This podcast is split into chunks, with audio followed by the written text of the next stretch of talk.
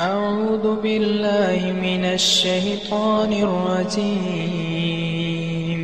بسم الله الرحمن الرحيم. بسم الله الرحمن الرحيم. الحمد لله رب العالمين والصلاة والسلام على رسول الله وعلى آله وأصحابه وسلم وسلم تسليما كثيرا. زاه الله بريباد الله جل شأنه. إذا نسيم الصلاة والسلام قصنق الله وقصنيك محمد صلى الله عليه وسلم كاج أزيشني الله تبارك وتعالى يا أيها الذين آمنوا اتقوا الله حق تقاته ولا تموتن إلا وأنتم مسلمون وبيكو vjerujete, bojite se Allah tabarak wa ta'ala istinskom bogobojaznošću i nemojte umirati osim kao pravi muslimani. Allah tabarak wa ta'ala molimo da nas učini od onih koji ga se boje istinskom bogobojaznošću i od onih koji će umrijeti samo kao pravi muslimani. Molimo ga subhanahu wa ta'ala da ga sretnemo, a da on se nama bude zadovoljan. E, večera sam mislio e, da govorim o jednoj temi koja nije znači vezana za komentar sahih, sahiha imama muslima e, koja se zove i koja se zove traženje beričeta ili pitanje traženja beričeta. Naravno, ova tema je sa razlogom zato što se bliže takozvani eh, mevludi ili okupljanja, e, između kojih je okupljanje ovdje u Blagaju. Zatim dolazi i ta, kako je zovu Ajvatovica, i nekakve pećine, koje su usko povezane sa ovom tematikom. E, ljudi u velikom broju e, mjesta, ili da kažemo dijelova islamskog svijeta, imaju jedno pogrešno razumijevanje i shvatanje koje je vezano za beričet. A to je da postoje određena mjesta, bilo da se radilo o kaburovima, ili da se radilo o vodama, ili da se radilo o pećinama, koje su, kako misle i kako vjeruju, beričatli. Međutim, prije nego što kažem nešto o me, reću šta u osnovi znači beričat. I šta znači traženje beričeta.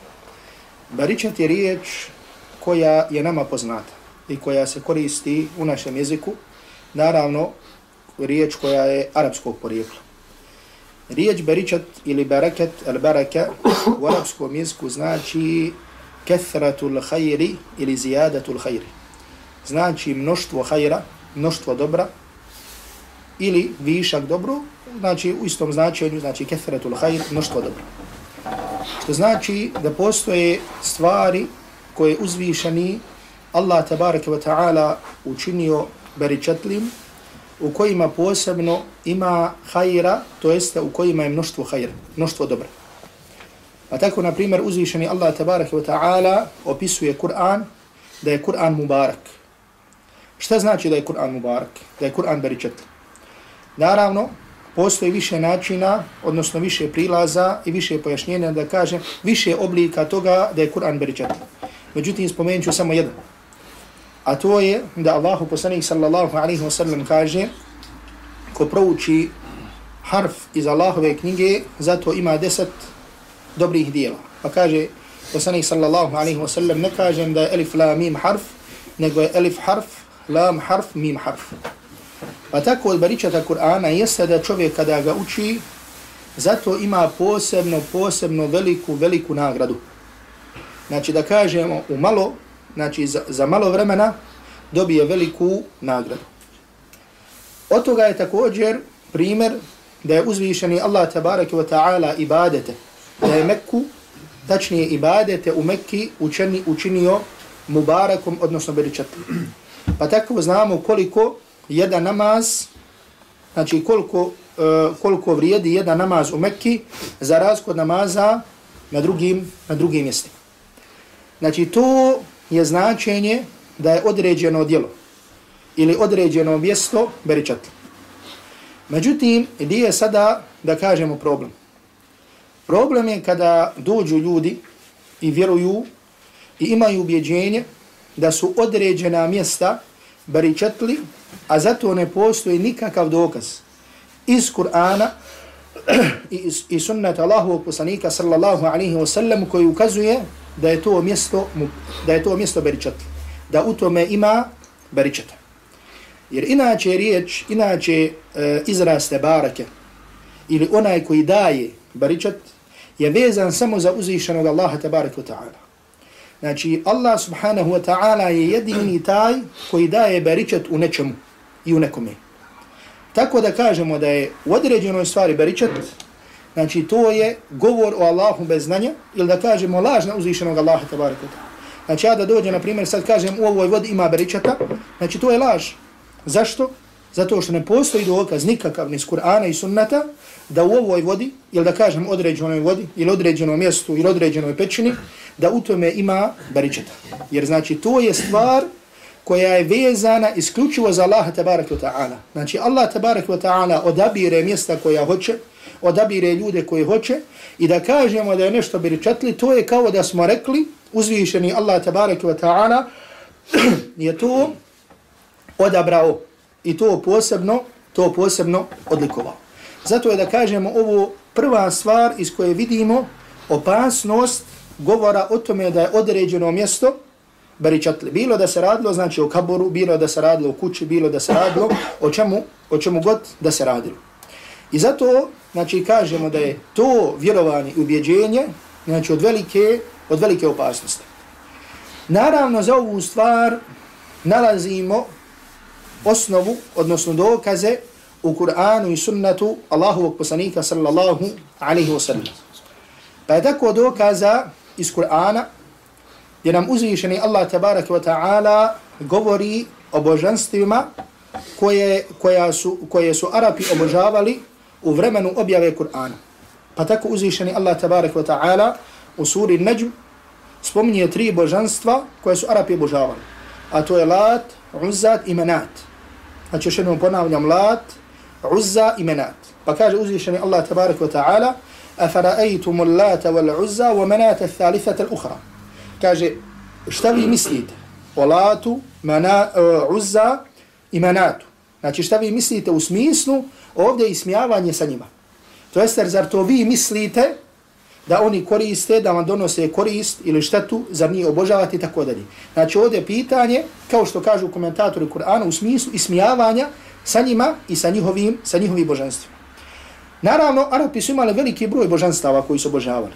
I oni su vjerovali, znači oni nisu vjerovali da ta božanstva stvaraju, niti da daju smrt, niti da daju život, nego su i obožavali i činili ibadete njima, vjerujući da će ih oni približiti uzvišenom Allahu tabaraka ta'ala. To jeste da su im oni posrednici između njih i između uzvišenog Allaha tabaraka ta'ala.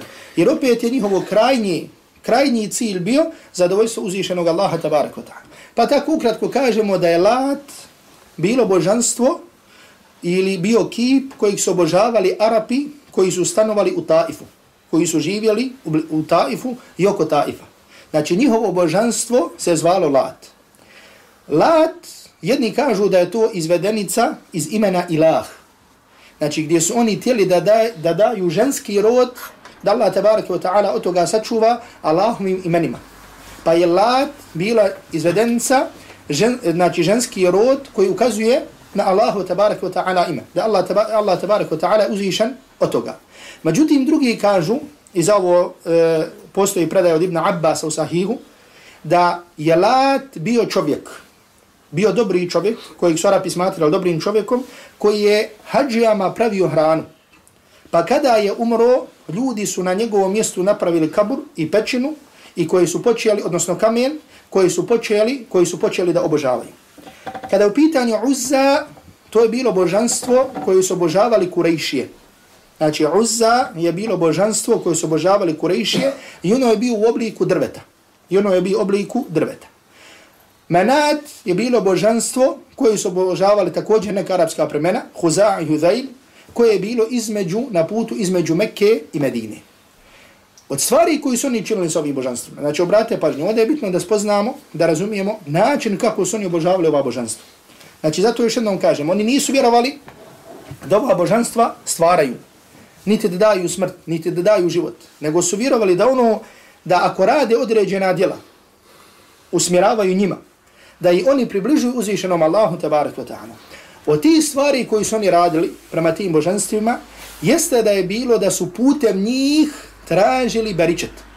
Da su putem njih tražili beričet, da su ta božanstva, znači obratite pažnje, da su ova božanstva, mjesta njihov, da su mjesta ovih božanstava smatrali svetim. Znači da su smatrali ta mjesta svetim. Znači i zato, znači danas postoje ljudi koji određena mjesta smatraju svetim. Kažu ovo je mjesto svetu. Ova pećina je sveta, ova voda je sveta i tako dalje. Znači ako zato ne postoji dokaz, i na to se odnosi kao što je došlo u Kur'anu i sunnetu, znači smatranje ti mjesta, mjesta da su oni sveta, znači isto kao što su to mušlici radili sa svojim, sa svojim mužanstvima.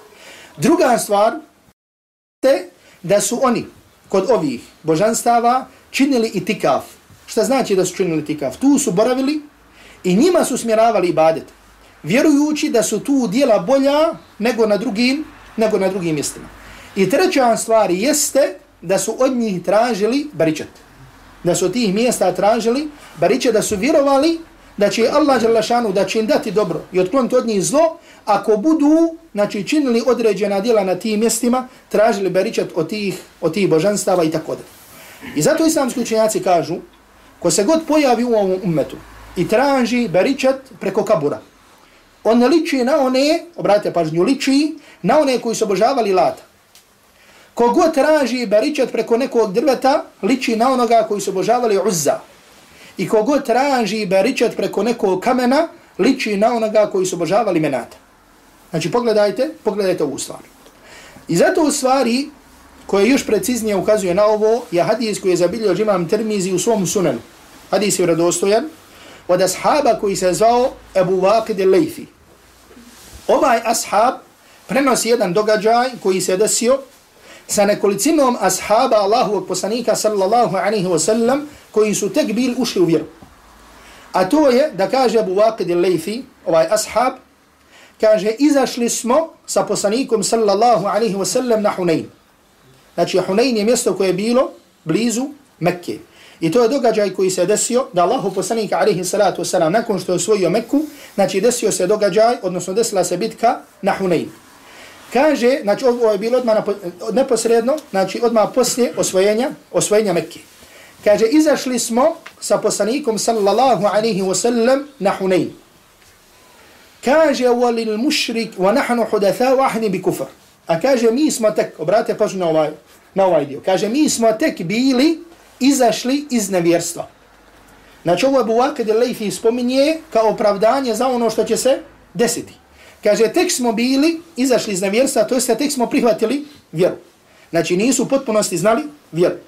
I ovo, znači, ovaj slučaj je sličan mnogim drugim događajima i sira Allahovog poslanika, alihi salatu wasalam. Je Allahov poslanika, alihi salatu wasalam, čistio kod ljudi one primjese koji su bile od širka. A ne kao što hoće neki da kažu, kada se spominje ovo, da je ovo govor o ashabima, da se smatruje vakim ili onakim. Pa je poslanik sallallahu alaihi wa sallam vidio kod ashaba, šta? Znači vidio narukuc, pa mu rekao čega je toga, pa je rekao dvahine, pa je poslanik alaihi sallatu wa sallam rekao skin to. Znači podučio ga i rekao skin to. Kaže, fa innaka la umitta wa hi ma flahta bada. Kaže, da si umro da je bila na tebi, nikada se ne bi spasio džahannama. Pa su neki ashabi bili rekli, lana la uzza la uzza lakum. Mi imamo uzza, vi nemate uzza. Pa je poslanik sallallahu alaihi wa sallam rekao je to, neka kaže la ilaha illa Allah. Znači bili su događaji gdje je poslanik alaihi salatu wasalam odgajao i podučavao ashabe ono što je kod njih, ono što je kod njih vidio to vam je poznato, bilo da se radilo o stvarima fikha, o stvarima akide, o stvarima ponašanja i, i tako dalje. Pa kaže, mi smo, kaže, tek bili izašli iz nevjerstva. Kaže, walil mušrikina sidaratun ja'kufuna andaha wa janutuna biha aslihatahum i ukalu laha dhatu anvat. A kaže, mušrici su imali drvo koje se zvalo Zatu Anwat. Drvo koje se zvalo Zatu Anwat. Znači koje, bi, koje su oni svetkovali. Znači smatrali su ga svetim. Kao što su imali druga mjesta, druga božanstva ili određena mjesta koja su smatrali svetim. I kaže, oni su kod tog drveta, oni su kod tog drveta šta radili? Kaže, činili su itikaf. To jeste, znači tu su činili, odnosno tu su ibadetili i upućivali ibadete tom drvetu. Znači kao jedan vid božanstva. Kaže, وَيَنُوتُونَ بِهَا أَسْلِحَتَهُمْ I kaže, svoja oružja su vješali za to drvo. Znači zašto su vješali? Zato što su vjerovali znači, da će to njihovo oružje zadesiti baričet preko tog drveća. I da će biti bolje znači, kada je u pitanju, kada je u pitanju ratovanja. Pa ashabi koji su tek bili izašli, kao što je došlo na početku hadisa iz kufra, rekli su Allahom poslaniku sallallahu alaihi wa sallam, ja Rasul Allah, o Allahu poslaniče. Međutim, pogledajte ovdje. Opet su ashabi Allahovog poslanika alaihi salatu wa sallam pitali poslanika da im dozvoli određenu stvar. Jer su znali da ibadet, ne, da se ibadet gradi na naredbi. Šta znači da se ibadet gradi na naredbi? Znači ovo je jedna bitna, veoma bitna stvar koja je spozna, spoznaće veliki broj stvari koji su vezani za sunnete i novotarije. A to je kada, je kada su u pitanju stvari koji su međuljudski odnosi, koji nisu ibadeti. Osnova je tu šta? Da je sve dozvoljeno, osim što je zabranjeno. Kad su u pitanju međuljudski odnosi, kad u pitanju hrana, piće, znači osnova je tu šta? Da je sve dozvoljeno, osim što je zabranjeno. Znači svaka vrsta pića je dozvoljena, osim za što je došao dokaz u Kur'anu i sunnetu da je zabranjeno. Pa je došao dokaz, na primjer, za alkohol da je zabranjeno. Odjeća je svaka dozvoljena, osim što je došao dokaz da je zabranjeno kao što je na primjer svila. Ovdje spominje samo primjere. Međutim, kada su pitanju ibadeti i način obožavanja Allaha tabaraka ta'ala, tu je pravilo drugačije. Tu je sve zabranjeno, osim za što dođe dokaz da je dozvoljeno. Znači, šta to znači? Znači, ne možeš obožavati Allaha tabaraka ta'ala, osim kako ti je propisano. Osim kako ti je propisao Allahu poslanik sallallahu alaihi wasallam. Pa može neko doći, ovo spominjemo primjer, i reći, dobro, zašto mi ne bi, kad predajemo salam, ustali počeli učiti ezan? Ili, ili govoriti talbiju, lebejk, Allahumma lebejk. Pa ako kažemo to je novotarija, znači može doći on reći, zar ezan nije pohvala? Zar telbija nije pohvala? Jeste ona pohvala? Međutim, nije joj tu mjesto. I zato ne smiju se ni zikrovi stavljati ni dove na mjesto gdje im nije mjesto. I zato je osnova ibadeta da ga činimo onako kako je činio Allahov Resul, Allahov poslanik sallallahu alaihi wa sallam. I ovu stvar, ova stvar je bila poznata kod ashaba Allahovog poslanika alaihi salatu wa sallam. I zato znate događaje s Abdullah ibn Mas'udom, kada su ljudi, nakon što umro poslanika alaihi salatu wa sallam, okupili se u halku. I rekli, hajde sada da spomnimo Allaha. Spomenut ćemo ovo, uh, ovaj zikr toliko, ovaj zikr toliko, zajednički. Pa su vidjeli to neki ljudi, došli su Abdullah ibn Mas'udu, da mu kaže šta ljudi čine. To nije bilo poznato da su ljudi prije činili. Pa je došao Abdullah ibn Mas'ud kada je vidio da to čini, kaže, ma se roma adaleltum. Kaže, kako ste brzo zalutali? Kaže, ono iz čega je poslanik alihi salatu wasalam jeo, još je zdravo, još se nije razbilo. To jeste tek umro poslanik alihi salatu wasalam. Vi ste ove stvari unijeli, vi ste ove stvari unijeli u vjeru. Pa im je rekao, znači pojasnio tu njihovu zabludu. I zato je bilo poznato kod ashaba Allahovog Rasula sallallahu alaihi wa sallam da kada je u pitanju ibade da se ne smije činiti osim kako to čini poslanik ili kako je dozvolio poslanik sallallahu alaihi wa sallam. I zato su ovdje ashabi tražili od poslanika alaihi salatu wa sallam da im dozvoli određenu stvar. Pa su rekli, ja Rasulallah, o Allaho poslaniće, iđa'al lana dhata anwat, kema lahum dhatu anwat. O Allaho poslaniće, daj da imi imamo drvo, daj da imi imamo poput ovog drveta, kao što oni imaju ovo drvo. Znači da imi imamo drvo preko koje ćemo tražiti beričet, kao što oni imaju ovo drvo. Pa kako im je odgovorio na ovo, Allahu poslanik sallallahu alaihi wa sallam. Ovo kada je čuo Allahu poslanik alaihi salatu wa sallam, rekao Allahu ekbar. U nekim nivajetima da rekao subhanallah. Znači rekao Allah je velik ili rekao Allah je uzvišen. To jest Allah je velik i veći od onoga što vi tražite i što vi govorite i uzvišeni od onoga što vi spominjete. Pa je rekao, inneha sunan.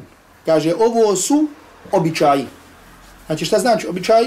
Znači, običaj gdje je Allah poslanik alihi salatu wasalam nagovijestio da ćemo upadati u neke greške u koje su upadali i priješnji, i priješnji narodi.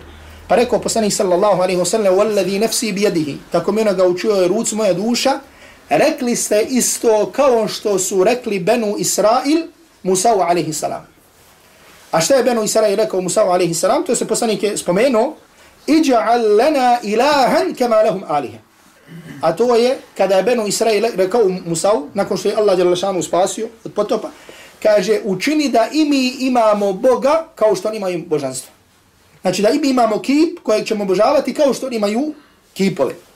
Pa je poslanik sallallahu alaihi wasallam te njihove riječi daj da i mi imamo takvo, takvo drvo stavio na stepen čega stavio na stepen riječi Benu Israila.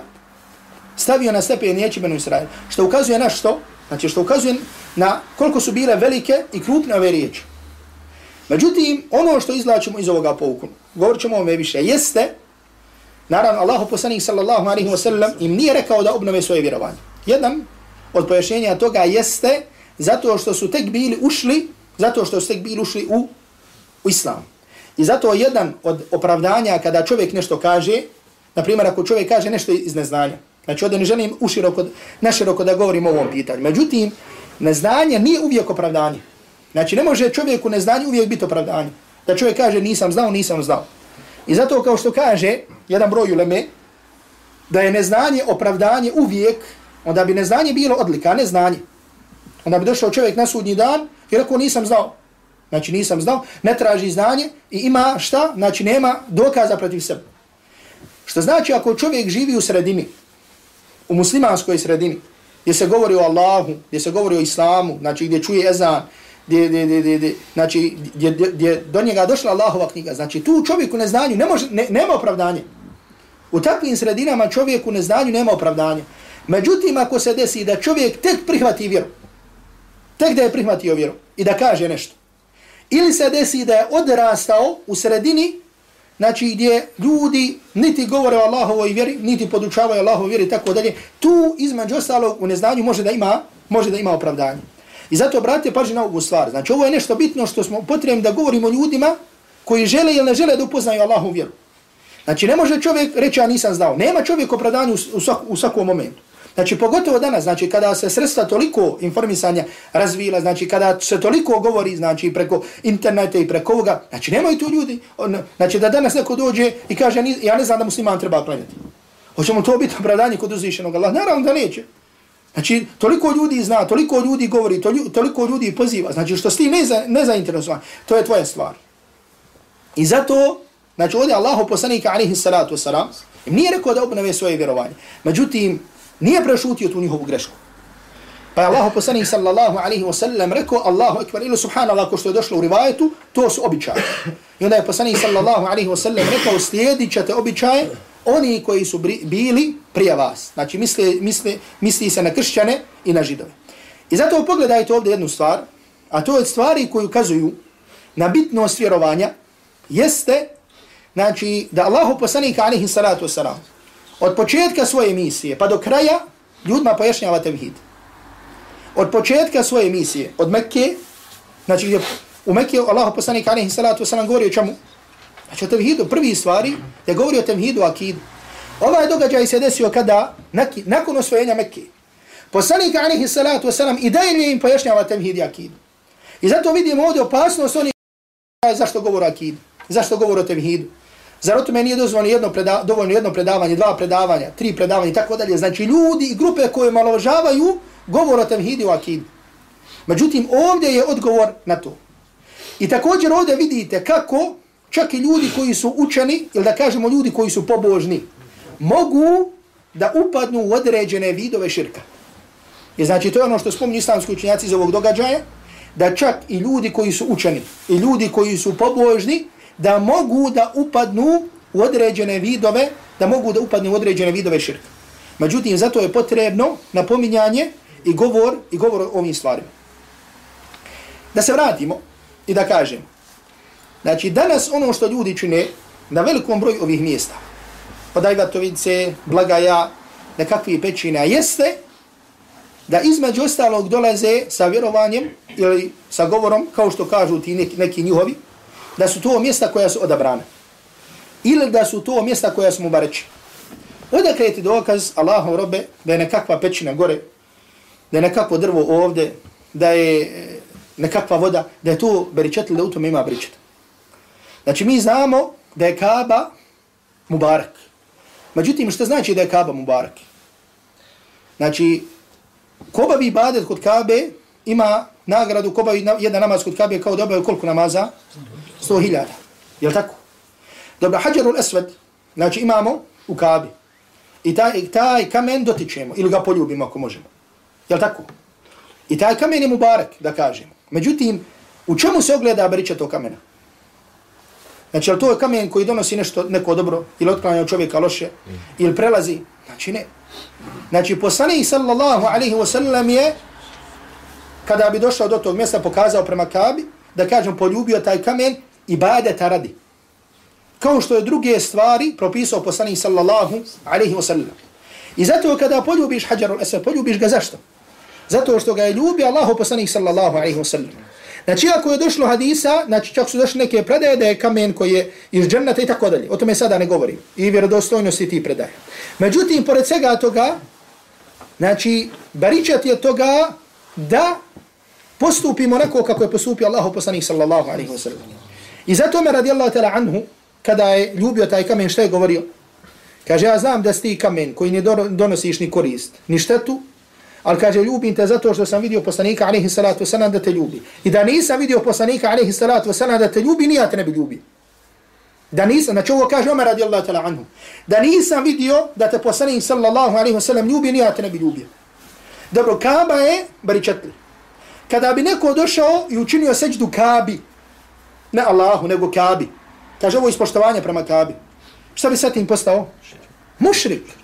Izašao bi za Allahu te barek wa ta'ala vjere. Jel da kaže Kaba donosi korist ili štetu? Šta je to? Stvar širka. I zato niti poslanik, niti ashabi su docali Kabi, posle toga docali sebe. Znači, baričat Kabe se ogleda u stvarima koje smo spomenuli. Isto tako zemzem voda. Znači, čini za te stvari za koje su došli da su, da su beričetli, poje, pojašeno sam propisi na koji način su beričetli. Međutim, da sada kažemo, Na osnovu čega neko kaže da je određeno mjesto, drvo, tisovina, ovo, ono, beričetli. Znači, to je lažna Allah, tabaraka ta'ala, da kažeš da u tome ima beričata. Znači, čak ona, drv, čak ona mjesta, obratite pažnju, čak ona mjesta kod, uh, kod koji se desilo nešto kroz istoriju. Naprimjer, Allah, tabaraka ta'ala, u suri Al-Fatah, spominje, لَقَدَ رَضِيَ اللَّهُ عَنِ الْمُؤْمِنِينَ إِذْ يُبَايِعُونَكَ تَحْتَ شَجَرَ Kaže, Allah je zadovoljan sa vjernicima koji su dali prisegu ispod drveta. Ispod kojeg drveta? Jednog drveta. Znači, bilo je drvo ispod kojeg su ashabi Allahom poslaniku alihi salatu wasalam dali prisegu. I to se drvo znalo. Znači, znali su ljudi gdje je to drvo. Pa su neki ljudi poslije poslanikove sallallahu alaihi wa sallam smrti počeli da dolaze i da tu obavljaju ibadete. Pa je Omer radijallahu ta'la anhu naredio da se šta? Da se drvo posjeće. Znači zašto? Zato što nema od spomenuto u Kur'anu, je spomenuto u Kur'anu. Ashabi tu bil, ashab, poslanik prije svega tu bio, dali prisegu, spomenut Kur'an. Međutim, nema nikakve odlike u smislu da se od toga traži briđe. I zato Omer radijallahu ta'la anhu je naredio da se to drvo, da se to drvo posjeća. Tako da prva stvar koju čine, znači što se čini na ovim mjestima, jeste da se smatra da su ta mjesta odlikovana. Da ne kažem da su sveta, To jeste da, da u njima ima baričeta. Druga stvar što ljudi ovdje rade, jeste da na tim mjestima čine ibadet. Znači da čine ibadet, rećemo, prije svega imajući lijepo mišljenje da čine ibadet Allahu. Znači da ne čine širk. Međutim, na tim mjestima misle da je namaz bolji, da se dova prima i tako dalje. Znači ovo, ovi ibadet, iako bili isključivo I iskreno samo Allah tabarak wa ta'ala radi. Znači ovo vjerovanje ne ispravno. Zato što opet kažemo ko ti je dao dokaz da je tu ibadet bolji. Znači na tim, na tim mjestima.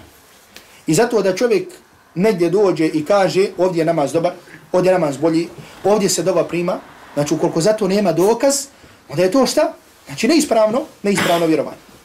Treća stvar što je najgora, da se desi da tu ljudi usmjere ibadet nekom drugom mimo Allaha tabarak wa ta'ala.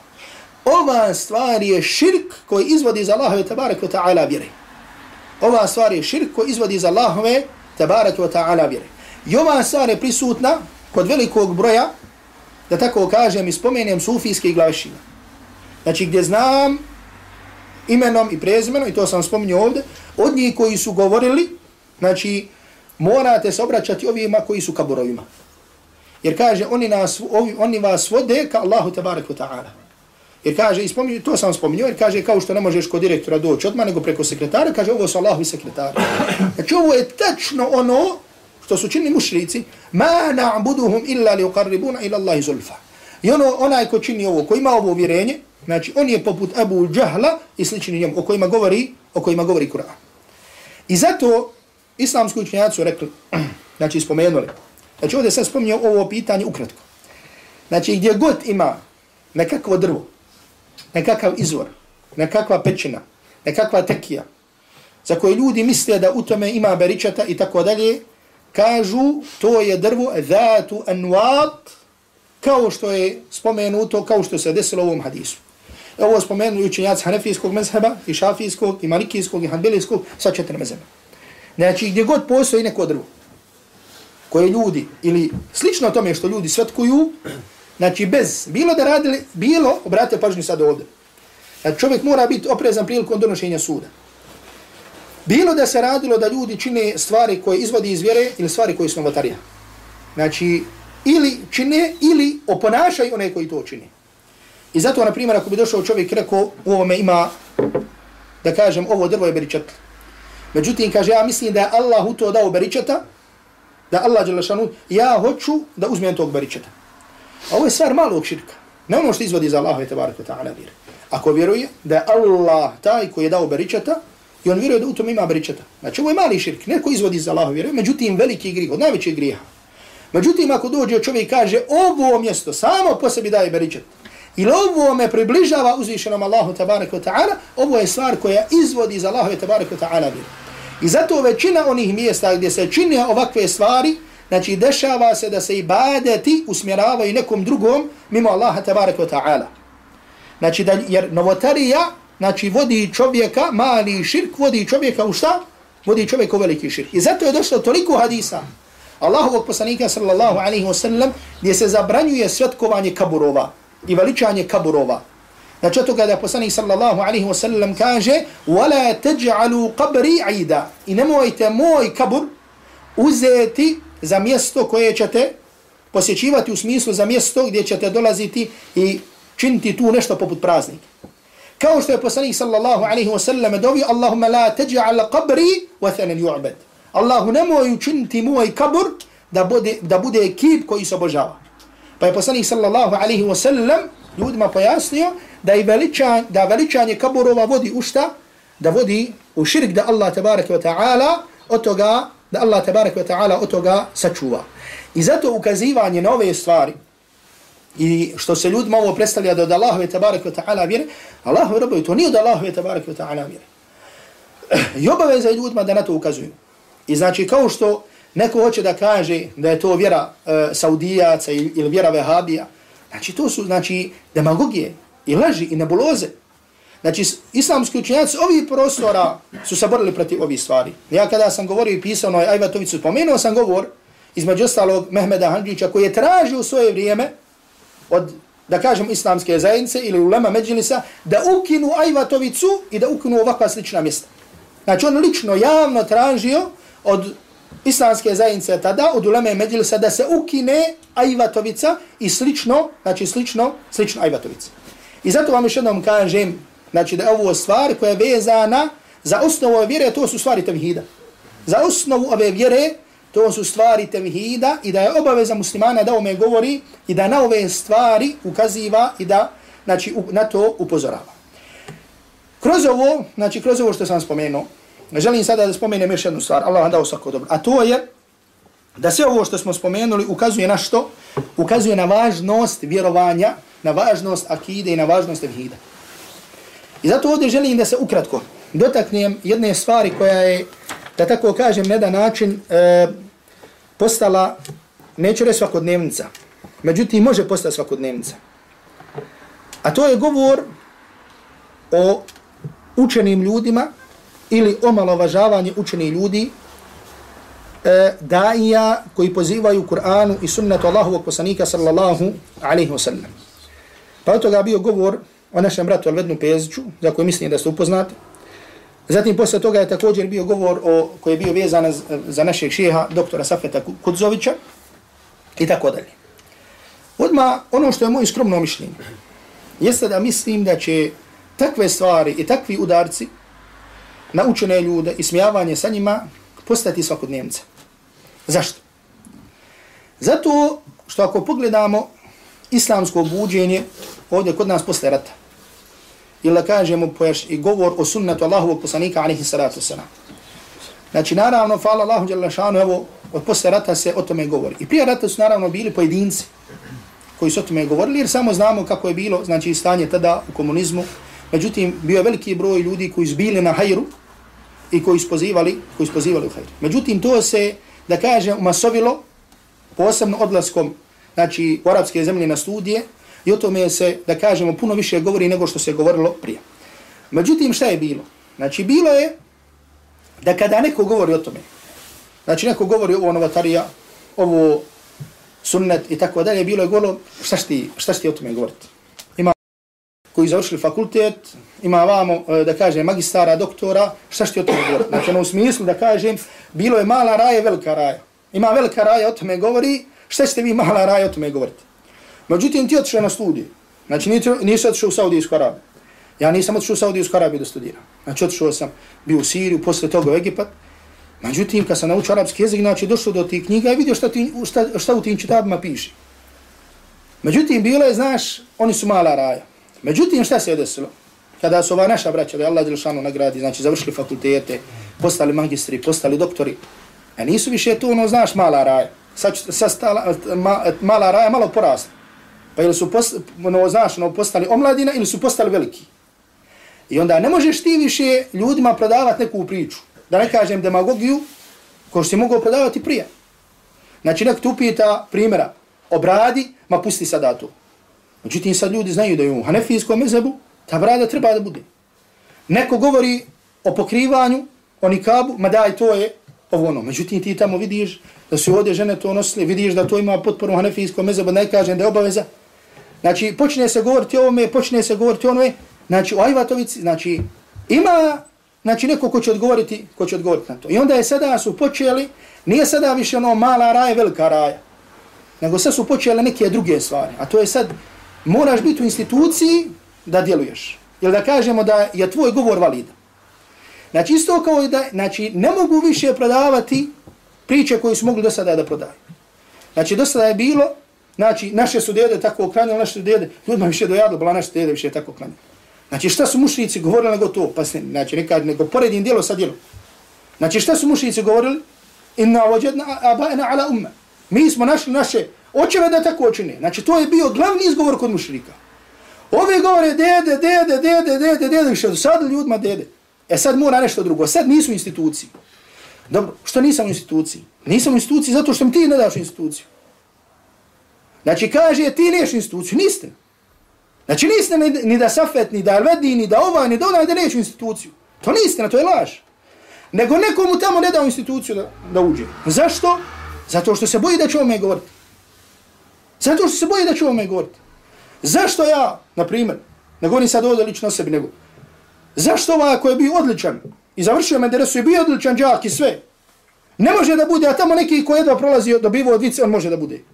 I to možda bude da se ljudima obraća, ti breko sad kada gledaš, Allah ima tak ja znam, ti breko šehol islam. Allah mi jedva se izvlačili, skirajta se jedva izvlačili da prođu. E sad ti nisu institucija, nisam institucija zato što mi ova ili ona ne dao instituciju. E sad što ti nisu institucije, znači ti ne možeš govoriti o Kur'an, ne možeš govoriti o sunnetu, nego moraš da digneš dva prsta ako onaj, kako se kaže, mogli ja reći ovo da ti ovaj tamo neki da kažem, kaže da i ne opisujem kakvi ima i tako dalje, da ti kaže, e Boga mi to, znači, i to je isfuran. Znači, to je isfuran. Zato što hvala Allahu Đalešanuhu, nadam se, znači ova naša braća, su ljudi koji su se bola zavjetovali, dali svoje živote, da hizmete Kur'an i sunnet. Da nas Allah Đalla učini poput njih, poput čeha, safeta i slični njima. I zato će, hvala Allahu Đelšanu, inša Allah, govorit će se o Kur'anu i sunnetu. Međutim, sada je ta šubha, nisu institucije.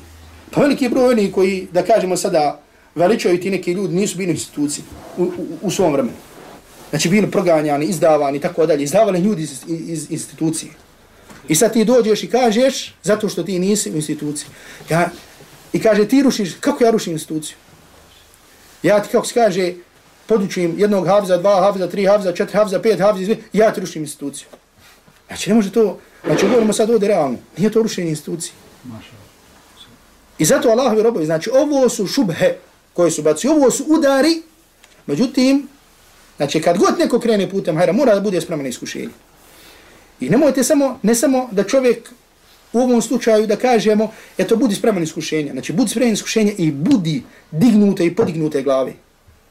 Zato što dokazi, znači govorili smo o tome, šta, šta znači wa inna jundana lahumul galibun i naša vojska uvijek pobjeđuje. Znači oni koji su na istini, oni uvijek pobjeđuju. Ako ne u smislu da imaju vlast, onda svojim dokazom. I zato sam rekao, znači sljedbenici sunneta, pa makar, makar bio jedan od njih, on je po, pobjednik u odnosu na one koji su oko njega. Na osnovu čega? Na osnovu dokaza. Znači ako bi rekli, jedan musliman živi među 100.000 vlaha, Koji je na istini? Pa musliman je istini. Tako isto onaj koji je na sunnetu u odnosu na novotare. Znači on je taj koji, koji je na istini. I ne treba čovjek ovdje da pogne glavu. Pa neka, nego treba da bude, da bude uzdim u te glave. Zato što na sunnetu Allahovog Rasula, alaihi salatu wasalam. Ako je god na sunnetu Allahovog poslanika, alaihi mora da bude iskušan Allahovi robovi. I zato čovjek u ovim stvarima ne treba, tako da kažem, ni da se libi, da odgovara ovim novotarijama. Znači zašto da se libiš? Da je neko ne zna na kakvom položaju. Da mu odgovoriš lijepo, fino. Znači ovdje sad ne govorim o načinu odgovor. Međutim da mu kažeš. Znači zašto sljedbenici istine da se stide sljedbenika, sljedbenika nisi. Znači Allah robi to ne. To ne može ni u kom slučaju. Ne smije da bude. I zato kome Allah Đalašanuhu podario ovo poimanje vjere neka bude ponosan na to. Neka bude ponosan što je na sunnatu Allahovog Rasula sallallahu alaihi wa sallam. Jer tako mi Allah kao što je obaveza da se brane životi muslimana. Znači životi, životi, kad dođe neko da te napadne. Još je veća obaveza da se brani ispravno vjerovanje, da se brani vjerovanje Kur'ana i sunneta. I zato je ulema rekla da je odgovor novotarima bolji džihad i bolja borba na Allahovom putu od borbe oružjem. Ako neko kaže kako to, je li to malovažavanje džihada? Ne. Evo kako. Zato što neprijatelj hoće da tu ubije šta? Tijelo, ti si ispravno vjerovanje, hoće da tu ubije život. Ti ako si ispravno vjerovanje, odeš, šta? Šala u džennet. Međutim, dođu ti ovi sa šubhom koji hoće od naroda, uzmu ispravno vjerovanje. Ko što zašle šije? Hoće da ti uzmu vjerovanje. Ebu Bekra, Omera, ovo. Hoće da ti... Odgovor njima je veća obaveza, je vdalni i bolji nego borba protiv neprijatelja. Zato što hoće od ljudi da uzmu temhid, da iskrive njihovo, da iskrive njihovo svojim lažima. Tako mi Allaha lažima.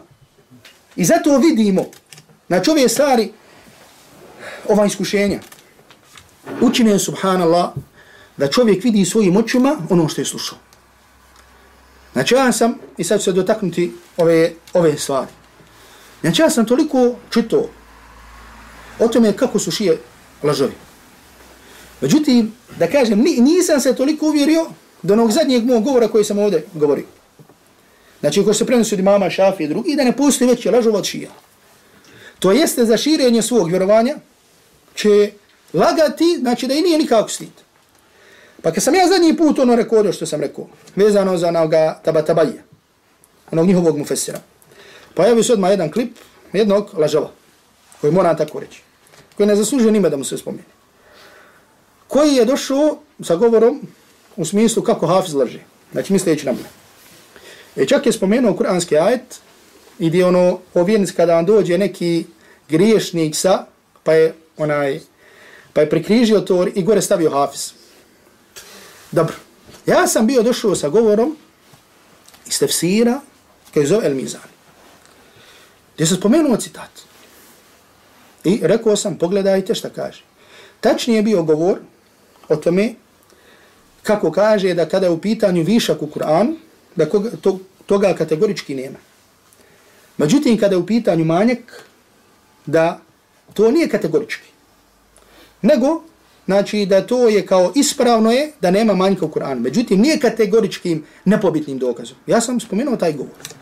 I spomenuo sam čak tekst na arapskom i na bosanskom i broj stranice, broj se. Međutim, ovaj lađav koji je došao, šta je učinio?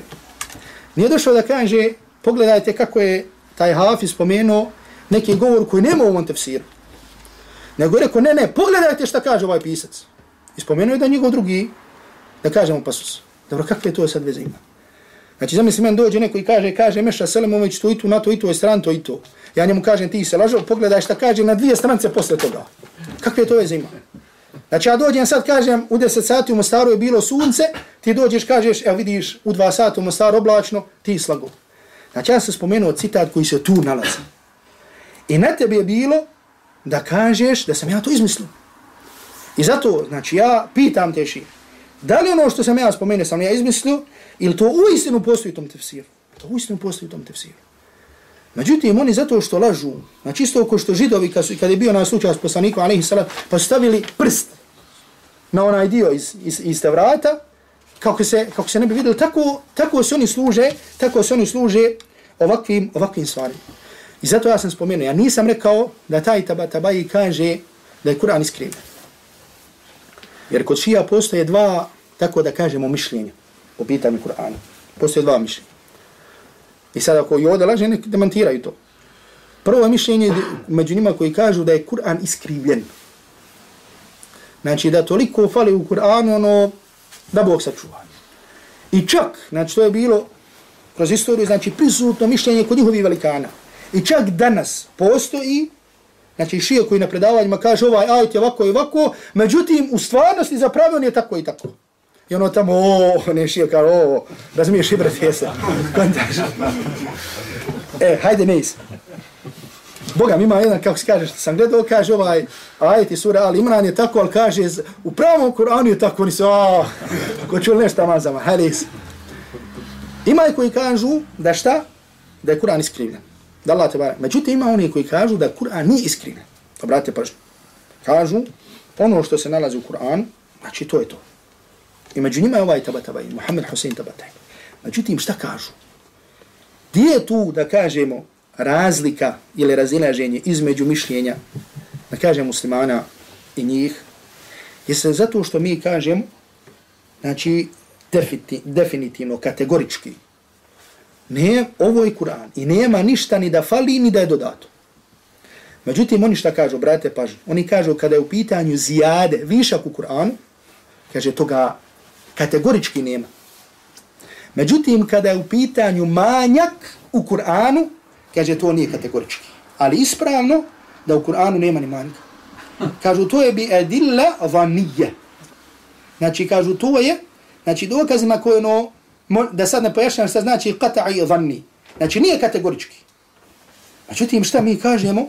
Znači ovo je knjiga Lara i Befi. Nema nikakve sumnje. Knjiga koja je sačuvana. Nema ma, kakav manje, kakav višak. Međutim, kod njih kada je u pitanju manjak, da li nešto izuzeto iz Kur'ana, kažu to nije kategorično. I to isto ovaj Muhammed Hussein Tabatabaj na više mjesta u ovom svom tefsiru spominje. I ako kaže on da je Kur'an sačuvan, Međutim, kaže, kada je u pitanju taj manjak, kaže, to nije kategorički. Zašto? Zato što ima veliki broj njihovih velikana, su bili vjerovanje i veliki broj predaja od tih njihovih, mada oni kažu sad još te predaje vjerodostojne, nisu, govori da u Kur'anu ome sada ima manjka. I zato pogledajte kakvim se lažima služi.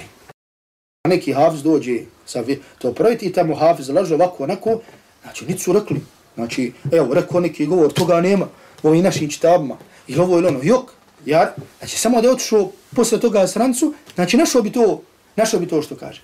Međutim, na svaki način će se koristiti. Lažima, ovim, oni da šire to svoje vjerovanje. I zato pogledajte koliko je važno i bitno od koga i kako čovjek uči Allahu Đalešanu vjeru. Međutim, ja ovdje samo kažem, one druge stvari koje smo spomenuli, zašto nisu došli za druge stvari i rekli Hafiz laži? Ili na njih odgovorili? Pa sam rekao, Spomenuo sam kako taj Muhammed Hussein Tabatabai, ono kad je bio, kad je ostao bez, bez ičega, kako otišao na kabor imama Ali i šta je rekao, ha kada tera talebe. Zar ovako vodiš računa o, o studentima? Nahodu bila kod Ali radijallahu ta'la anhu daje obskrbu i zato sam rekao da su gore i vjerovanje. To kažem, rekao sam opet, gore ih su vjerovanje od Ebu Džehla i Ebu Leheba. Znači širku kakvi su upali, u takvom širku nije bio ni Ebu Džehla ni Ebu Leheba. I sad to znači, znači nek se prvo, znači sad kad bi jednostavno govori, znači prvo nek se okane ovakvi budaleština, ovi, ovog širka i ovoga, pa nek onda dođe ne govore o Kur'anu. Jer stvari koje, subhanallah, koje čovjek nalazi od novotari i širka, to omalovažava, ponižava čovjekov razum. Omalovažava, ponižava čovjekov razum. I zato što je čovjek bliži tevhidu, bliži je razumu. Što je čovjek dalje od tevhida, dalje od razuma. To zapamte. I zato pogledajte kakve nebuloze rade novotari, posebno oni koji su upali u stvari širka. Znači vjeruju da ova voda koristi, vjeruju da tisovina koristi, vjeruju da ovaj kamen koristi, ova pećina, ona pećina, ovo, ono. Pa dajte ljudi. Znači kad došao čovjek da upozna vjeru, čuo islam, vjera, monoteizam, tevhid, rekao ovo monoteizam, Znači ovo svijet, ono svijet, ovo, ono, ovo, voda, tisovina, ne ovo, ne ono. Znači kak, kakav je to tebi, kakav je to monoteizam? Moli se ovome u kaburu, moli se onome u kaburu i tako dalje. To je istina da ljudi tako rade. Mole se nekome drugom ima Allah. I zato jedan čovjek koji je bio u tim stvarima e, širka je napisao jednu knjigu u kojem je rekao kako je bio u tom širku. I subhanahu stvari koje spominje, koji se molio tim evlijama, kaže o stvari koji su ga izvali na tevhid. Kaže, jeste, kaže, kad me zadesila neka nedaća, Kaže, ja bi požurio da se molim ovim svojim šehovima u koborovima. I kaže, kad bi tio da se molim, kaže, ne bi znao od koga da počnem. Hoće li od Hase ili Huse ili ovoga. I kaže, pomislio bi, ako počnem od ovoga, ovaj će se na ljud. Ako počnem od ovoga, ovaj će se na ljud. I e, to je u istinu tako. Znači, onaj koji je obožavan, više božanstva, Allah je to spominje. Fihi shuraka mutashakisun. šaki. Znači, znači, onaj čovjek, znači Allah je šanu uporedi onoga koji je obožava nekog mimo Allaha tabaraka ta'ala, Znači kao čovjeka, kao roba koji ima više vlasnika. Hoćeš poslušati ovoga ili poslušati ovoga ili ne znaš sa kim ćeš početi. Ovaj kaže radi ovaj, ovaj kaže nemoj ovo radi. I zato ne razumiješ. Hoćeš se moliti, znači hoćeš se moliti Ali, hoćeš se moliti Huseinu, hoćeš se moliti Homeiniju. Znači nema kome se ne moli. La ilaha illallah. I zato znači ovakvi, znači ne treba da govore, da govore o Kur'anu. I zato vam kažem, znači ovakvi će bilo koju laž upotrijebiti, koristi, da odrate od Allahu i tabarik wa ta'ala vjeri. Zato Allahu robovi, zahvaljujte Allahu jalla šanuhu, što nam je podario po imanje vjere, a molim Allahu jalla šanuhu da ga poveća i da ga učvrsti. Onako na, kao, kao, kao što su na tome bile prve generacije. I zato od fadileta da čovjek živi u vremenu kada se pojavilo toliko novotarija, jeste da čovjek ima priliku da se u tom vremenu drži sunnet Allahovog Resula sallallahu alaihi wa sallam. I da odgovara takvim u stvari da brani sunnet Allahovog Resula sallallahu alaihi wa sallam. Jer kao što sam rekao mi danas, kada bi rekli nešto ovome ili onome, a bio ugledan, pošten, lijep, dobar čovjek, svi bi ustali da ga branimo. Pa preće da branimo poslanika sallallahu alaihi wa sallam i ono što se pripisuje njemu. I ono što se pripisuje njegovoj poredci, nego što branimo nas, sami sebe, i ko što branimo naše, naše, naše poredci. Pogledajte samo, u stvari, kakve nebulonze pripisuju poslanikovoj sallallahu sallam porodice. Hasanu, Huseinu radijallahu anhu. Fatime radijallahu ta'la anha. Znači kakve stvari, stvari širka. Znači novotarije koje su nastale stotne godina posle njih prepisuju da su oni u te stvari vjerovali. Da Allah te wa ta'ala. I zato odbrana toga je preče nego da branimo naše živote i naše, naše porodice. Molim Allah te wa ta'ala na nas usmrti na sunnetu Allahovog Rasula sallallahu alaihi wa sallam da nam podari usrajnost i kao što sam rekao na početku da ga sretnemo a da Allah subhanahu wa ta'ala bude zadovoljan sa nama. Wa sallallahu ala muhammedin wa ali wa sahbihi wa sallam.